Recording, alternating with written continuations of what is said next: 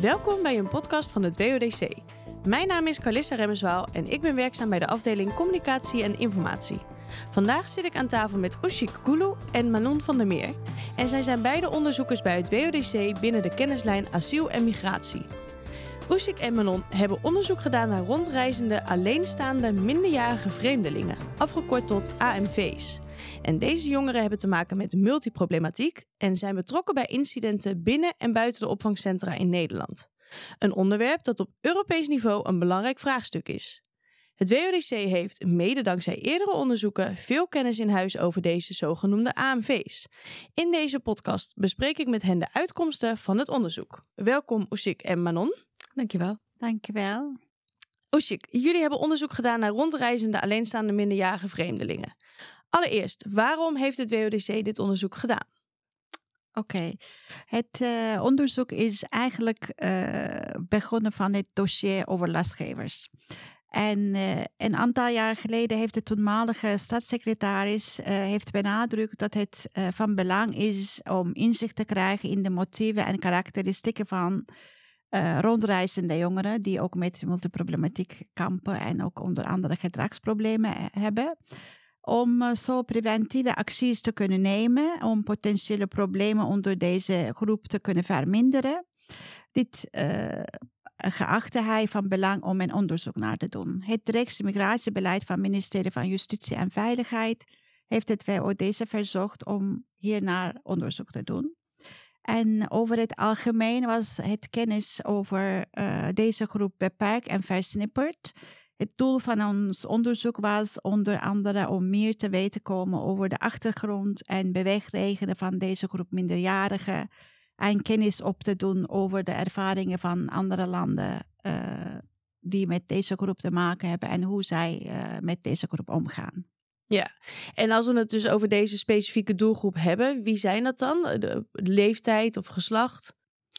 Uh, qua leeftijd en geslacht hebben wij dit groep niet afgebakend, maar natuurlijk zijn ze allemaal onder de 18 jaar in principe. Ze zijn alleenstaande minderjarige vreemdeling.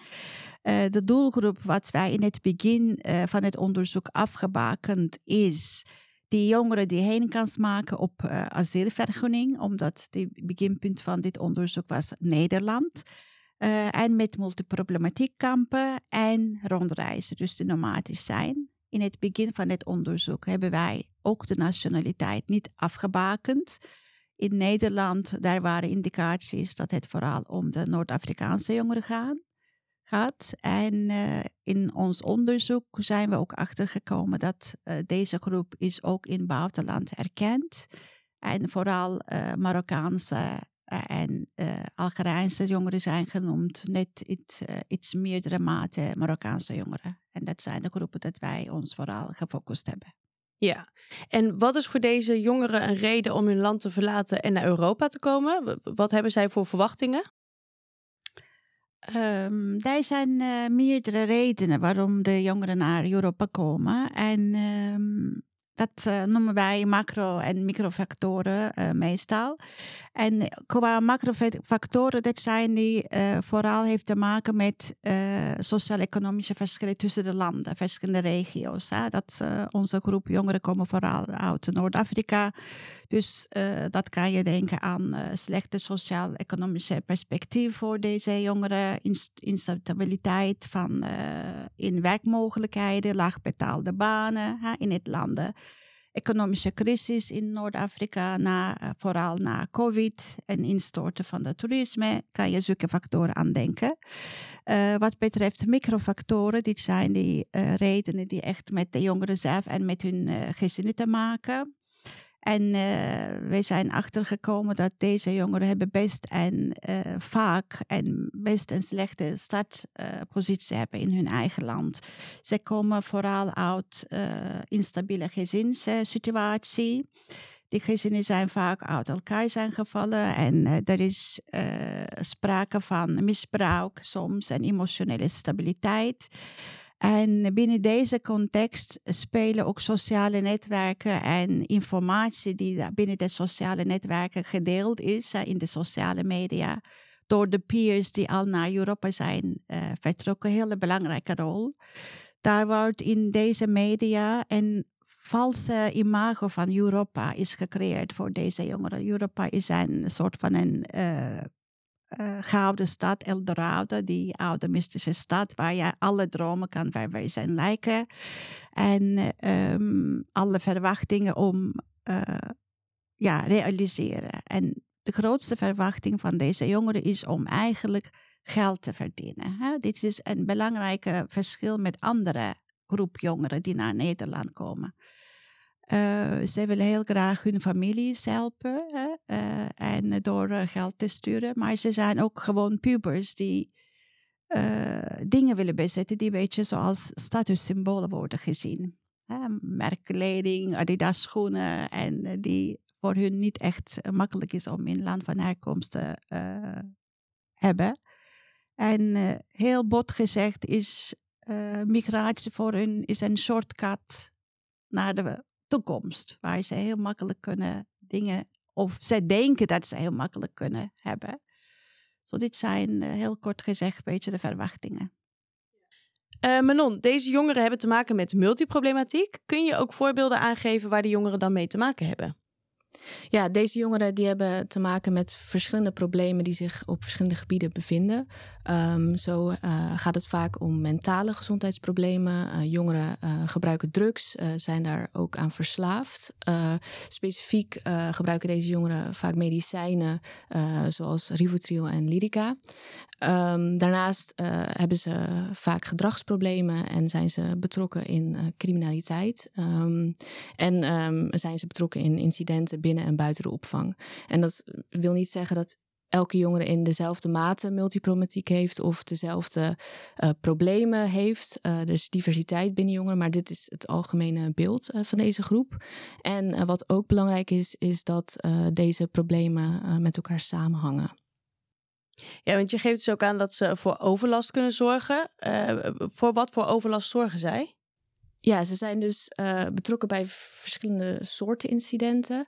Um, daarbij kan je denken aan onderlinge gevechten, uh, bedreigingen, uh, vormen van intimidatie. Dus ook sprake van agressief gedrag. Um, en dat kan dan zowel naar binnen als naar buiten gericht zijn. Dus jongeren kunnen doen aan zelfbeschadiging of dreigen met, met suïcide. Maar ze kunnen ook hun agressiviteit uiten richting andere bewoners in de opvang bijvoorbeeld. Of naar medewerkers. En uh, als het gaat om uh, overlast buiten de opvang, dan uh, kan je bijvoorbeeld denken aan, aan diefstal. ja. ja, en, en wat drijft hen tot deze overlast of tot deze acties? Ja, in ons onderzoek wilden we graag meer te weten komen over inderdaad de achtergrond van dit gedrag. Um, wat, wat ligt er aan ten grondslag? En um, wat, uh, wat eigenlijk uit ons onderzoek naar voren komt, is dat het belangrijk is om dit gedrag in de context te plaatsen van een gebrek aan perspectief en het nomadisch leven dat deze jongeren leiden. Um, dus wat betreft gebrek aan perspectief is vaak gezegd door respondenten dat deze jongeren niks te verliezen hebben. In Nederland uh, maken ze weinig kans op asiel, uh, op een asielvergunning. Um, en hebben ze dus ook weinig reden om zich goed te gedragen. Um, en zijn, uh, deze jongeren zijn vaak ook gefrustreerd over hun gebrek aan toekomstperspectief. Wat zich dus uit in uh, agressiviteit en in mogelijke incidenten binnen en buiten de opvang. Um, dus dat is een belangrijke context. Daarnaast het nomadisch leven. Um, jongeren, uh, veel jongeren die, uh, die, die reizen eigenlijk al jaren rond door Europa. Hebben geleerd om te overleven, uh, om voor zichzelf op te komen. Want als je niet sterk en hard bent, dan word je, ja, dan ben je heel kwetsbaar ook voor anderen. Um, conflict wordt als normale gang van zaken gezien. Jongeren weten daarin niet beter. Dus dat is ook belangrijk om dat gedrag te begrijpen. Uh, jongeren hebben, um, zijn vaak niet meer gewend om in zo'n institutionele setting uh, te zijn. En, daarnaast uh, is het drugsgebruik van jongeren ook gerelateerd aan, aan dit gedrag. Dus dat, het gebruiken van drugs kan ook zorgen voor agressief en onvoorspelbaar gedrag onder jongeren. Oké, en de jongeren blijven dus niet op één plek, maar leiden echt een nomadisch bestaan. hebben we zicht op de reis die zij afleggen? Um, we hebben wel een beetje zicht op. Ja, we hebben eigenlijk om een hele goede zicht te hebben wij uh, moeten eigenlijk met de jongeren zelf spreken die rondreizen. En in dit onderzoek voor ons was dat niet mogelijk, behalve één jongen die wij als een casus hebben interviewd en die een hele goede beeld gaf van de werkelijkheid, hoe de leven van deze jongeren zijn. Maar ook de, wat de professionals die we hebben gesproken in dit onderzoek en onderzoekers geeft een goede beeld van hoe dit loopt. Wat we wel weten dat omdat jongeren in meerdere Europese landen een toekomstperspectief hebben, legale perspectief, zoals uh, Manon net aangaf. Ze reizen dus verschillende uh, landen door. En wat ik net vertelde over sociale media speelt hier ook een hele belangrijke rol. Wat we begrijpen is dat in de sociale media, via de peers, er zijn verschillende geruchten eigenlijk rondgaan over verschillende landen. Bijvoorbeeld, je gaat naar Zweden om even uit te rusten in een opvanggezin. En uh, dit zijn bijvoorbeeld de jongeren die betrokken zijn in criminele netwerken. En soms zeggen ze, oh, de netwerk zit achter mij. Dus dan komen ze naar de beschermende op, uh, omgeving van een opvanggezin. Uh, Hamburg blijkbaar is bekend voor een goede mondzorg. Dus als jij een eh, last hebt van je tanden, moet je naar Hamburg gaan.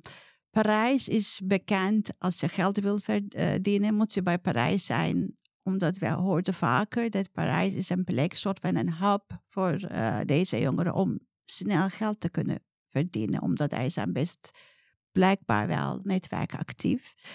Uh, in deze manier eigenlijk, jongeren hebben we de indruk dat verschillende steden of landen aandoen volgens hun behoeften. Dus ze navigeren tussen verschillende landen naar hun behoeften.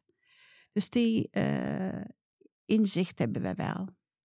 Ja, en Menon, ik kan me voorstellen dat er een bepaald beeld in de maatschappij staat in Nederland over deze jongeren. En is dat volgens jou terecht? Ja, in, in de maatschappij worden deze jongeren dus gezien als overlastgevers, um, als veilige landers die hier in Nederland geen recht hebben op bescherming en die eigenlijk hier niet horen. Um, wat betreft overlast, ja, deze jongeren veroorzaken uh, soms incidenten, zijn vervelend, zijn geen lievertjes. Maar um, wat we belangrijk vonden met dit onderzoek is om voorbij uh, daar voorbij te kijken en te zien, oké, wat, wat ligt erachter? En overlast geven is dus niet het, het hele verhaal. Terwijl um, deze jongeren, dat is door een aantal uh, respondenten gezegd, deze jongeren voelen wel dat er een negatief beeld over hen heerst. En dat kan ook juist weer dat gedrag in de hand werken. Maar er is dus ook een andere kant van het verhaal. Deze jongeren hebben vaak een slechte startpositie in het land van herkomst, uh, voelen een grote verantwoordelijkheid voor hun familie om geld te verdienen. Um, ja, en zijn eigenlijk ook heel erg, kunnen ook heel erg kwetsbaar zijn voor uh, die criminele netwerken. Um, en ook uh, voor uitbuiting. We hebben indicaties dat ze ook uh, uitgebuit worden. Um, dus dat, dat mag ook niet vergeten worden met betrekking tot deze jongeren. Ja, ja, en, doordat ze zo kwetsbaar zijn, kunnen ze natuurlijk inderdaad ook weer in de verkeerde netwerken terechtkomen. En eigenlijk ja, kan het een soort van belanden in een soort visuele cirkel. hebben jullie ook onderzocht hoe we dat kunnen voorkomen? We hebben inderdaad geconstateerd in ons onderzoek dat er een sprake van een vicieuze cirkel met door allerlei interrelateerde multiproblematiek dat Manon uh, over had. Uh, en uh, het lijkt erop dat het aanpakken van de drugsmisbruik eigenlijk de allerbelangrijkste punt is om dat vicieuze cirkel te kunnen doorprikken. Maar tegelijkertijd, natuurlijk niet alle jongeren zijn echt zwaar uh, verslaafd. Dus uh, jij moet deze probleem aanpakken, maar tegelijkertijd, uh, jij moet ook een alternatief kunnen bieden aan deze jongeren. Eigenlijk zoals een van de onderzoekers hebben aan ons verteld, jij moet eigenlijk een onderhandelingsproces hebben met deze jongeren. Oké, als je dit en dit doet, je kan dit en dit van mij verwachten. Dus het is altijd give and take, beetje. Uh, maar ik denk dat uiteindelijk inderdaad dit uh, drugsmisbruik uh, is een hele belangrijke onderwerp om dat cirkel te breken. En tegelijkertijd toekomstperspectief aanbieden aan de jongeren. En, en het zijn natuurlijk dus jongeren die door verschillende Europese landen trekken. Herkennen die andere Europese landen dus ook deze problematiek? Of hebben zij een andere aanpak om bijvoorbeeld de overlast uh, te verminderen? We hebben een aantal landen inderdaad onderzocht, daarop gefocust. Dit zijn België, Frankrijk, Spanje, Italië. En wij zien dat deze landen meer of minder deze groep wel herkennen. vooral België en Frankrijk zijn ze ook op straat. Dat zien we niet zozeer in Nederland. Dat komen ze in opvang terecht. Natuurlijk hebben ze veroorzaken overlast op straat. Maar wat het belangrijkste uitkomst van het onderzoek is dat vooral in Spanje en Italië en ook in Frankrijk eigenlijk, krijgen ze een verblijfsvergunning omdat ze minderjarig zijn. Dit is niet het geval in Nederland.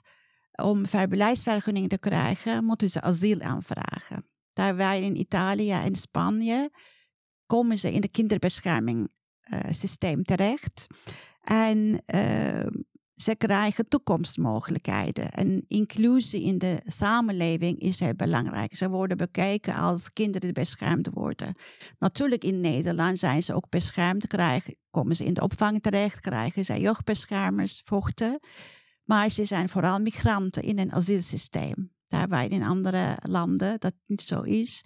En ze krijgen mogelijkheid in Spanje en Italië vanaf hun zestiende onder bepaalde voorwaarden om te kunnen, legaal te kunnen werken. En dat is eigenlijk wat ze willen. Ja, en dus is het dan zo dat als ze een beter toekomstperspectief zouden krijgen, dat de overlast en problematiek uh, kan worden verminderd? Dat durf ik niet zo uh, met 100% zekerheid te zeggen. Dat hebben wij niet onderzocht. En om dat te kunnen weten, denk ik dat die maatregelen in Italië en Spanje moeten geëvalueerd worden, hoe effectief die maatregelen zijn. Uh, maar ik kan me wel voorstellen dat dat een uh, perspectief biedt voor uh, jongeren inderdaad. Een alternatief biedt dan betrokken zijn in criminele netwerken en op deze manier geld te kunnen verdienen. Ja. Menon, jullie onderzoek is nu afgerond. Zijn er concrete aanbevelingen over om deze problematiek aan te pakken? We doen uh, geen concrete aanbevelingen, um, maar we hebben wel uh, uh, gezien wat knelpunten zijn en ook wat mogelijke richtingen zijn om verder te denken wat betreft het beschermen en begeleiden van deze groep jongeren. Um, en dat komt dus voornamelijk voort uit wat professionals en onderzoekers ons verteld hebben. Um, er zijn een aantal belangrijke. Um, allereerst um, uh, is het dus, uh, hebben verschillende respondenten aangegeven dat het goed is om, te, om iets te bieden aan deze jongeren, om dat ze een stip aan de horizon hebben, iets om naartoe te werken. Um, daarnaast uh, wordt het van belang geacht om de overgang eigenlijk van straatleven naar het systeem te vergemakkelijken. deze jongeren hebben vaak al een lang nomadisch leven achter de rug, zijn niet meer zozeer gewend om in een institutionele omgeving te zitten. Dus die overgang moet ja, soepeler worden gemaakt. en bijvoorbeeld door middel van outreachwerk op straat. Um, een andere aangedragen oplossing is om uh, meer uh, um, kleinschalige begeleiding te geven aan deze jongeren, waarbij echt uh, maatwerk kan worden geleverd, individuele aandacht, het opbouwen van een persoonlijke band. Ook gezien deze jongeren vaak veel wantrouwen hebben, ook omdat ze al jarenlang rondreizen en hun eigen ja, plan hebben getrokken. en tot slot is het natuurlijk een, een Europees probleem.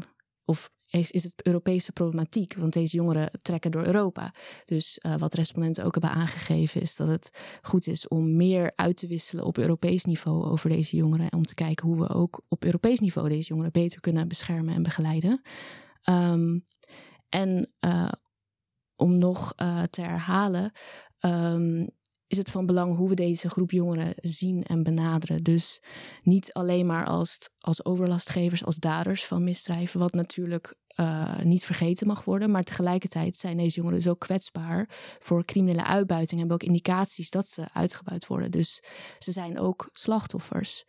Tegelijkertijd zien we dus ook dat deze jongens ontzettend veel agency hebben, overlevingskracht uh, uh, om hun leven te leiden dat ze leiden. Dus er is geen één manier om naar deze groep te kijken. Je moet eigenlijk alle perspectieven op deze groep meenemen om tot een antwoord te komen over hoe we verder moeten met deze groep jongeren. Wie hoop je dat we dan ook echt met deze resultaten aan de slag gaan? Nou, allereerst natuurlijk beleidsmakers. Uh, we hebben dit onderzoek gedaan en, uh, op aanvraag van de beleidsdirectie. Dus we hopen dat, uh, dat het voor hen kennis biedt waarmee zij hun beleid verder kunnen ontwikkelen.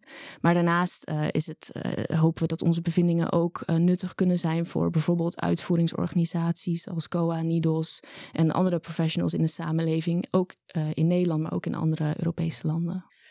Is er ook nog verder vervolgonderzook nodig volgens jullie? Ik denk dat dat inderdaad wel belangrijk is, omdat we hebben een aantal aanknopingspunten en ons onderzoek was eerlijk gezegd was best breed uh, opgezet. We hadden heel veel onderzoeksvragen waar wij uh, allemaal probeerden antwoord te geven, maar eigenlijk bij elke onderzoeksvraag kun je een nieuwe onderzoek opzetten. Zo breed was dat. Maar in ieder geval, het is denk ik wel belangrijk nummer één met de jongeren zelf te praten om hun beweegredenen goed achter te kunnen komen. We hebben natuurlijk met onderzoekers gepraat die zelf met jongeren hebben gesproken. Dus in die zin hebben we wel een beetje zicht daarop.